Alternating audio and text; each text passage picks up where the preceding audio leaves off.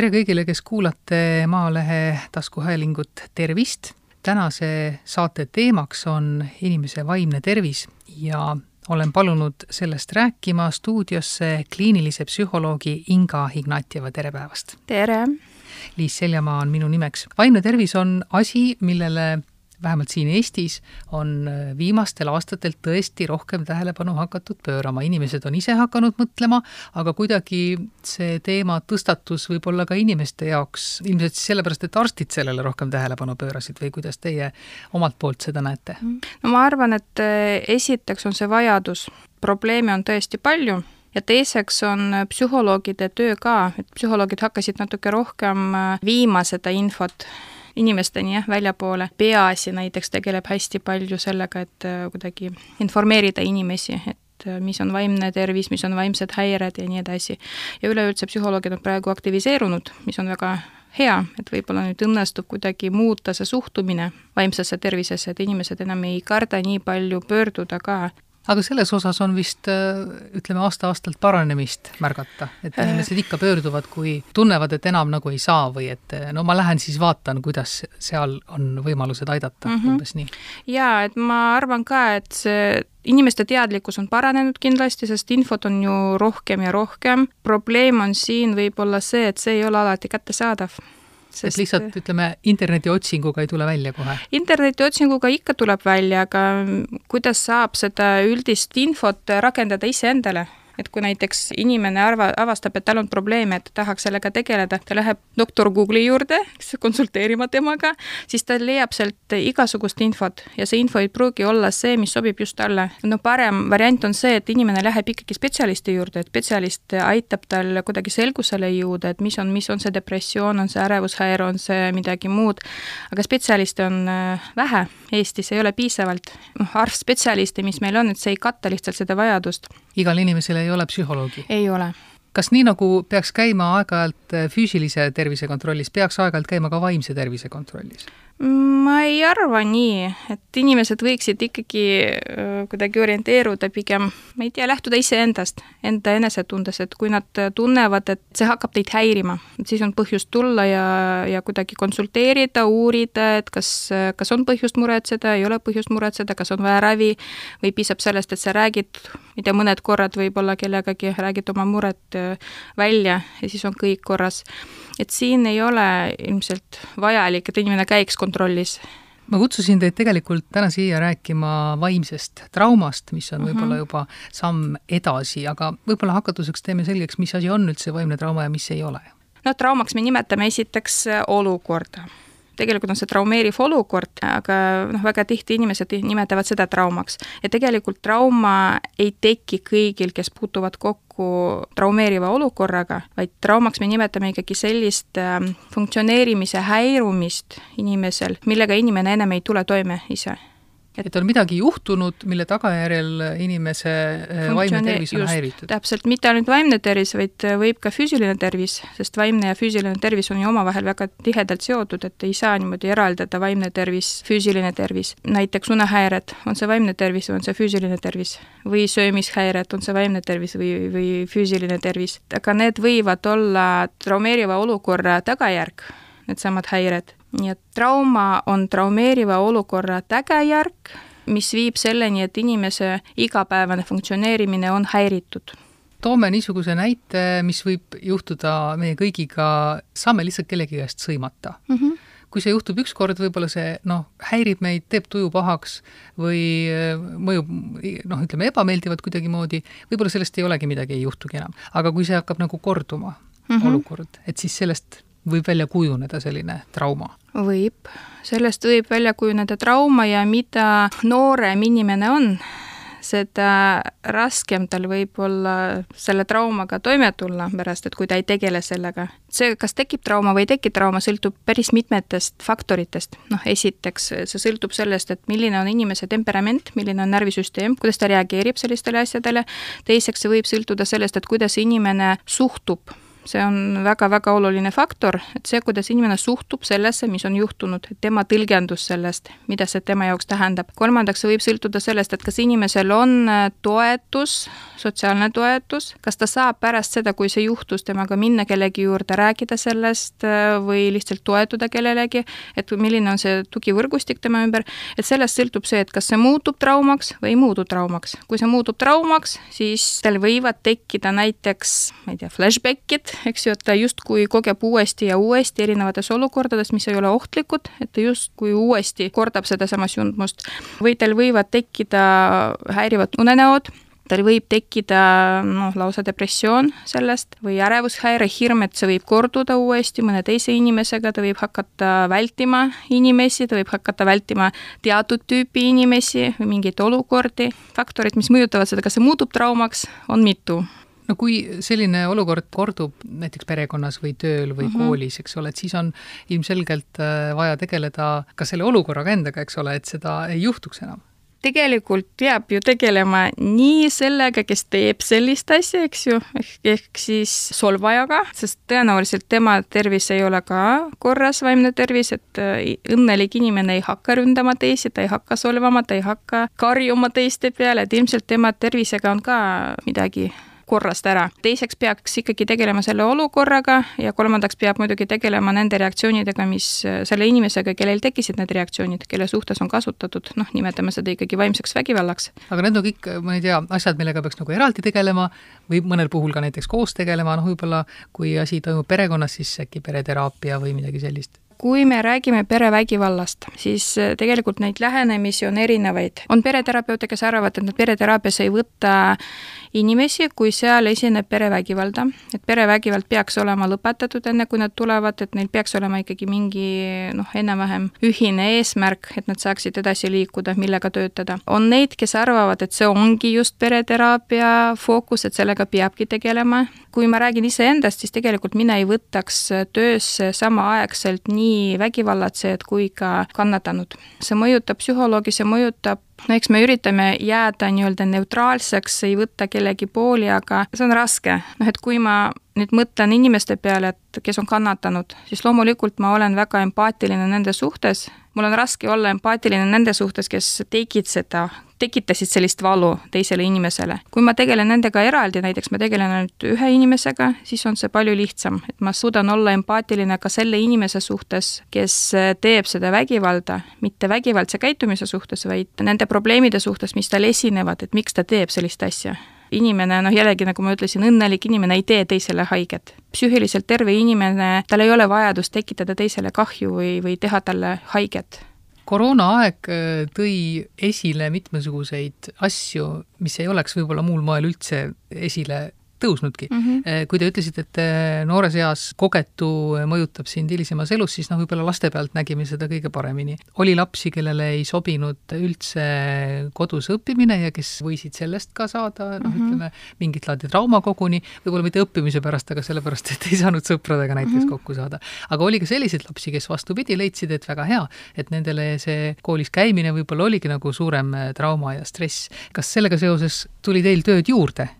Kindlasti tuli tööd juurde, aga jällegi siin on see psühholoogi kättesaadavuse küsimus. meil ei ole rohkem ressurssi kuskilt võtta, kui me pakume juba niigi. psühholoogi juurde ei ole tulnud nii palju? psühholoogi juurde ei ole tulnud ja esiteks ja teiseks, noh, psühholoogi haridus automaatselt ei anna oskusi juurde noh, nii-öelda klassikaline psühholoogiaharidus ei eelda seda, et sa suudad kohe inimestega töötada. sul on teadmised, aga on vaja lisateadmisi, et sa oleksid suuteline töötama teiste inimestega. sellist ressurssi ei ole kuskilt võtta, rohkem kui ta praegu on.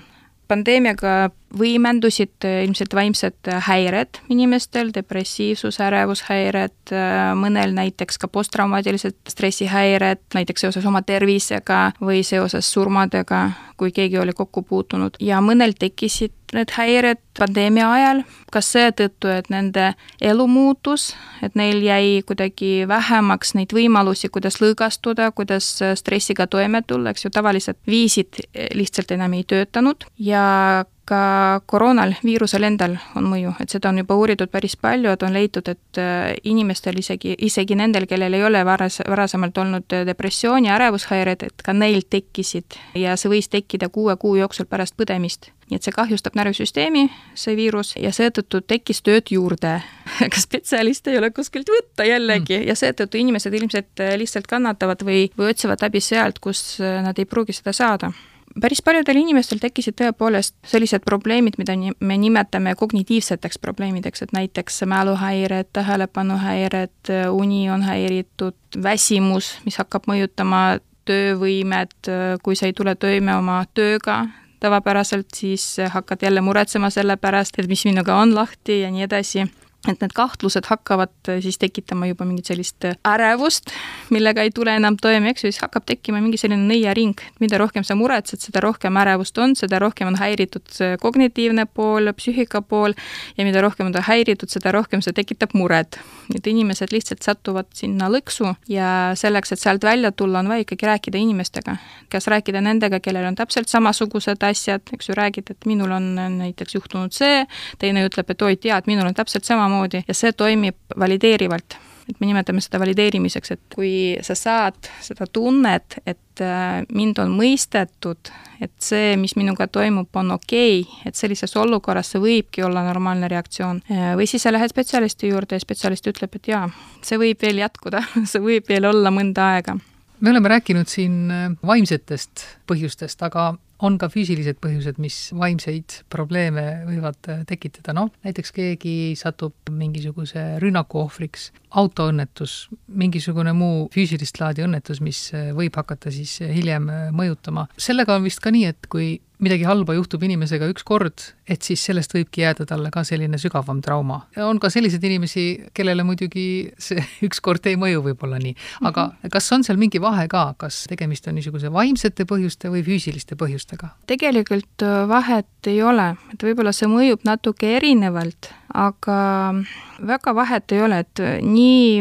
nii-öelda vaimne vägivald kui ka füüsilised põhjused, nad võivad tekitada sellist asja nagu posttraumaatiline stressihäire. vaimsega on natuke raskem nagu mõista, kust see tuleb, et milline, miks selline mõju on ja füüsilisega on, et need sümptomid on hästi-hästi konkreetsed. juhtus see, mis... see jaa, et juhtus see, tekkis selline reaktsioon selles olukorras ja pärast keha hakkab äh, reageerima, et kui inimene ei suuda kui aju ei suuda, ei tule toime selle töötlusega, selle info töötlusega, mis on nüüd juhtunud sellel hetkel või noh, natukese aja pärast, pärast seda, kui see juhtus, eks ju, et siis see, vot see, millest me räägime, et see on trauma, et see sündmus jääb nii-öelda pendeldama seal ajus, et ta ei lähe nii-öelda arhiivi et aju ei tule sellega toime, nii et ei teki sellist silti sinna, et see juhtus seal, juhtus see, täpselt see ja see, juhtus selles kohas näiteks. Ja seda ei panda arhiivi, nii et ta elab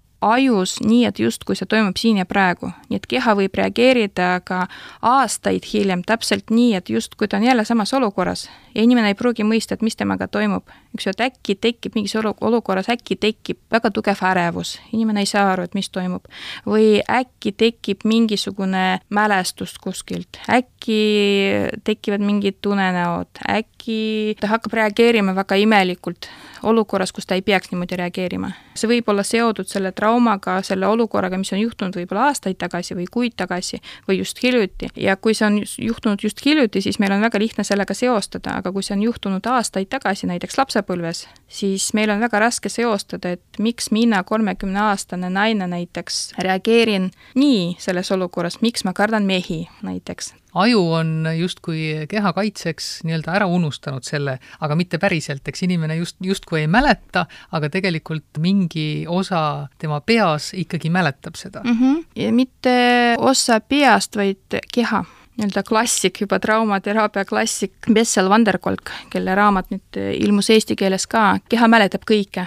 tema kirjutas sellest väga hästi, et kuidas meie keha ikkagi salvestab neid reaktsioone. muidugi see toimub aju tasemel, eks ju, et seal toimuvad kõik need reaktsioonid, aga need äh, aistingud on väga kehalised aga sellisel juhul ikkagi peab välja selgitama põhjuse ja noh, nii-öelda nagu sellega tegelema, et ei saa loota selle peale, et kui sa oled selle ära unustanud, et siis või on niimoodi ka, et inimene unustab ära ja unustabki ära ja elab elu lõpuni ja ei tulegi meelde.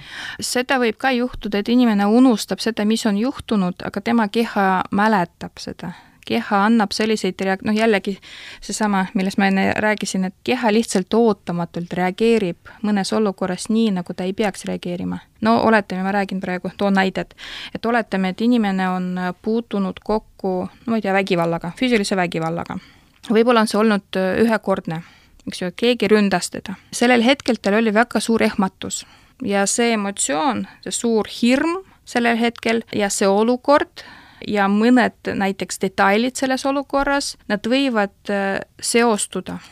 noh, öeldakse, et need närvid, mis aktiveeruvad koos, siis nad pärast hakkavad ka lülituma sisse koos, eks ju, et see tähendab seda, et näiteks mingi asi, mis seostub selle olukorraga, no näiteks mingi lõhn, heli, noh, mingi ese või, või mingi kehaline reaktsioon, ta võib hilisemas olukorras aktiveeruda koos selle hirmuga et näiteks kui no oletame, et see ründe, sellel ründajal oli mingi teatud tüüpi parfüüm, mis jäi kuidagi meelde, siis hiljem, kui inimene puutub kokku selle aroomiga, mis on muidu ju mõnus, eks ju, teised nuusutavad, mõtlevad, et oi, kui, kui hea lõhn. ja sellel inimesel võib tekkida väga tugev reaktsioon kehas, nii et keha reageerib nii, et et justkui, ma ei tea, katastroof on juhtunud. Ja inimene ei saa aru, mis temaga toimub. et miks selline reaktsioon olukorras, kus kõik teised tunnevad ennast hästi ja võib-olla isegi õnnelikud. nii et niimoodi keha mäletab. Ja võib-olla inimene ise väga ei mäletagi seda olukorda näiteks, noh, sest äh, aju kaitseb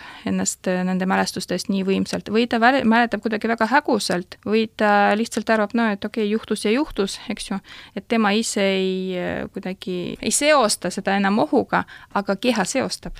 Nii et ajus on olemas selline osa nagu limbiline süsteem, mis tegeleb emotsioonidega, et seal ongi see emotsionaalne mälu nii-öelda, keha lihtsalt reageerib. Jah, ei käi enam sellist analüüsi või töötlust, et kas see olukord on ohtlik või ei ole, trigger, päästik, lõhn, mis kohe tekitab seda reaktsiooni sõda on väga suur äh, stressi tekitaja, see on isegi vähe öeldud äh, veel äh, selle, kogu selle olukorra kohta. nii füüsilised kui vaimsed põhjused, mis ilmselt jäävad inimesi mõjutama terveks eluks. meile on tulnud ka meie lähimast sõjakoldest Ukrainast palju inimesi, kes on selle trauma rohkemal või vähemal määral üle elanud, muidugi me püüame neid aidata ka nii-öelda meditsiinilisel tasemel, aga kas saab midagi teha ka inimesed, kes neid ümbritsevad siin igapäevaselt mm, -hmm. et kuidas reageerida, kuidas aru saada, mõista ja, ja siis aidata üle elada seda olukorda? tegelikult inimesed juba praegu teevad väga-väga palju, nii et äh, siia tulnud ukrainlased on äh, väga tihti väga tänulikud. miks nad tänulikud on?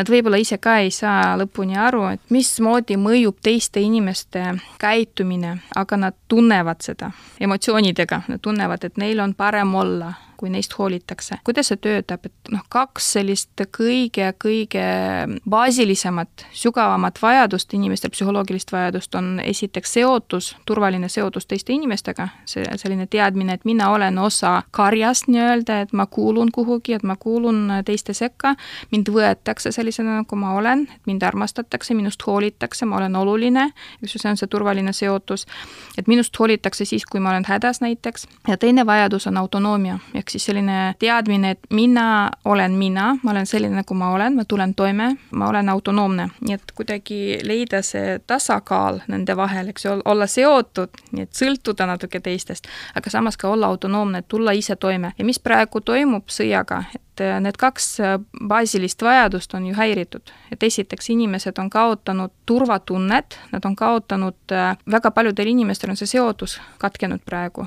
mõned pereliikmed on seal, on jäänud sinna, kus on sõda, mõnedel on need surnud, mõnedel on, ma ei tea, laiali maailmas, sõbrad on ka laiali nad on uues kohas, kus neil ei ole veel sõpru tekkinud, kus neil ei ole veel sidemeid, nad on, nad tunnevad ennast kuidagi üksi. see on see, mis puudutab nüüd seotust. teine on noh, autonoomia, nad ei tule toime nad on uues keskkonnas, nad tulid toime väga hästi seal oma vanas keskkonnas, aga nad on tulnud uude olukorda, kus nad peavad kuidagi toime tulema. ja mida eestlased praegu teevad? esiteks pakutakse kohe abi, igasugust abi, nii et igasugune abi on ju seotuse pakkumine tegelikult, eks ju, et me pakume neile seda tunnet, et te ei ole üksi, et te olete, teist hoolitakse. noh, see võib olla suur abi näiteks, ma ei tea, rahaline abi, elu, eluks vajalikud asjad või, või elukoht või mingid väiksemad asjad, no kas või see, et ma toon teile näiteks naabrina pirukad, tegin täna õhtul, või siis küsin lihtsalt hommikul, et tere, kuidas teil läheb, või küsin, et kas te vajate midagi.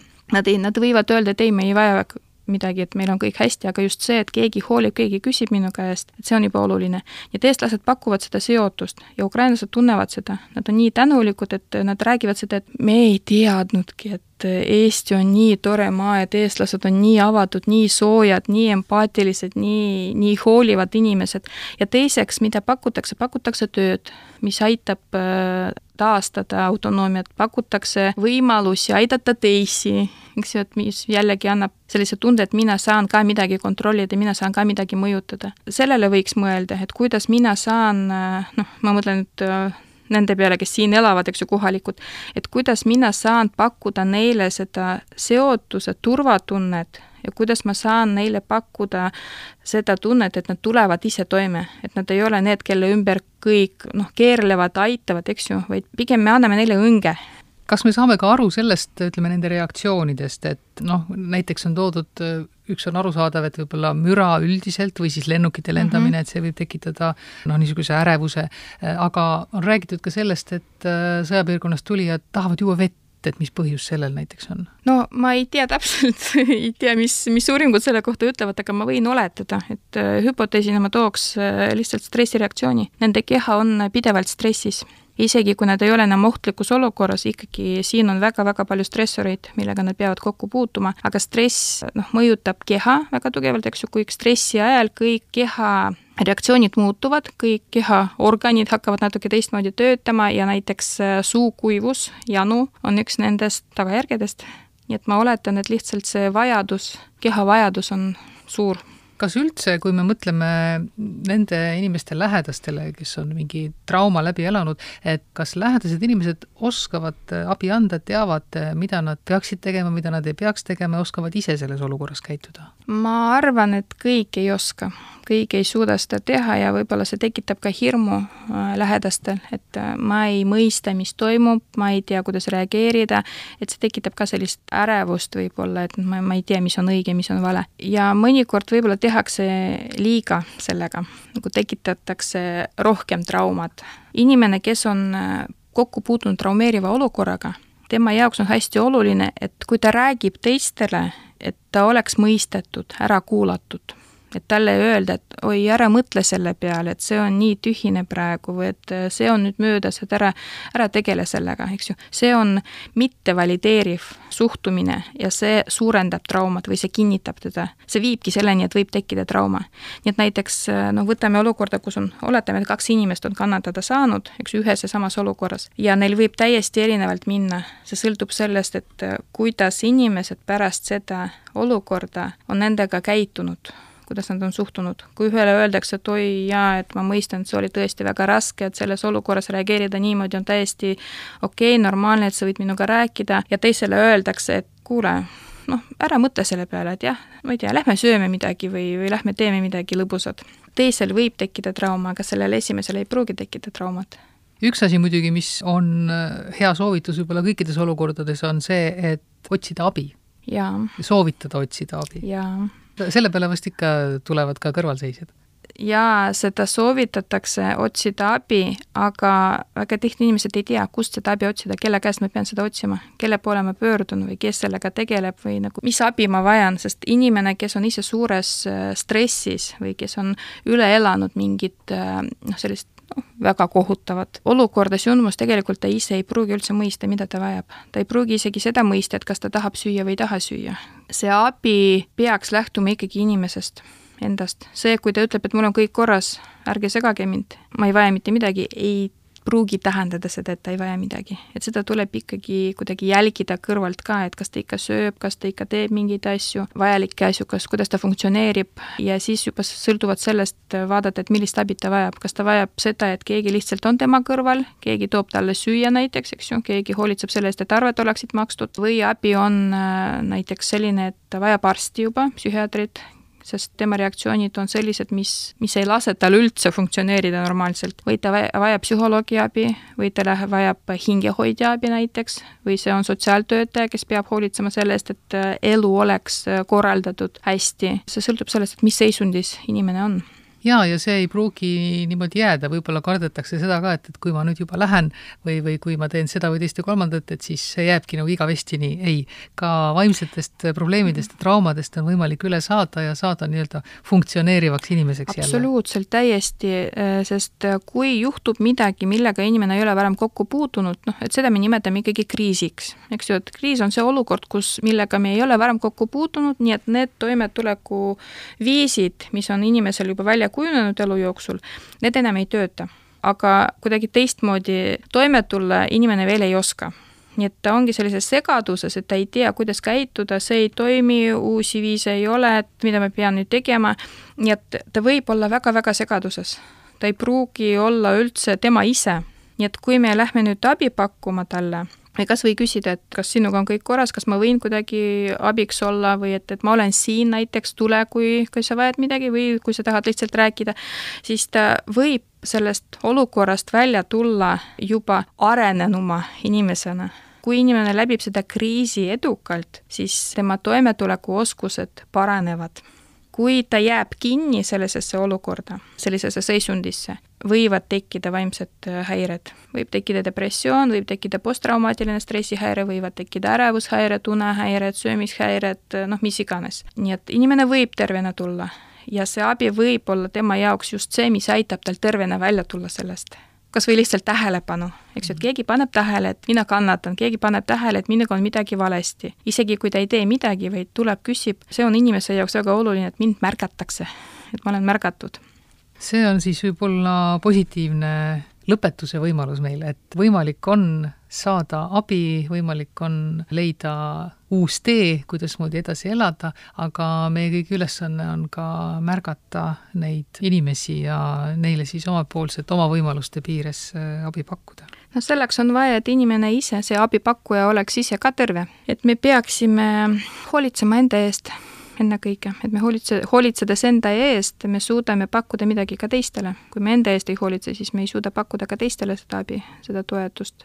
Ma soovin teile siis tervenevaid patsiente ja mõistvaid inimesi ümberringi. aitäh, see on väga tore soovitus ja mina soovin teile vaimset tervist ja teistele ma soovin ikkagi julgust küsida abi ja pakkuda abi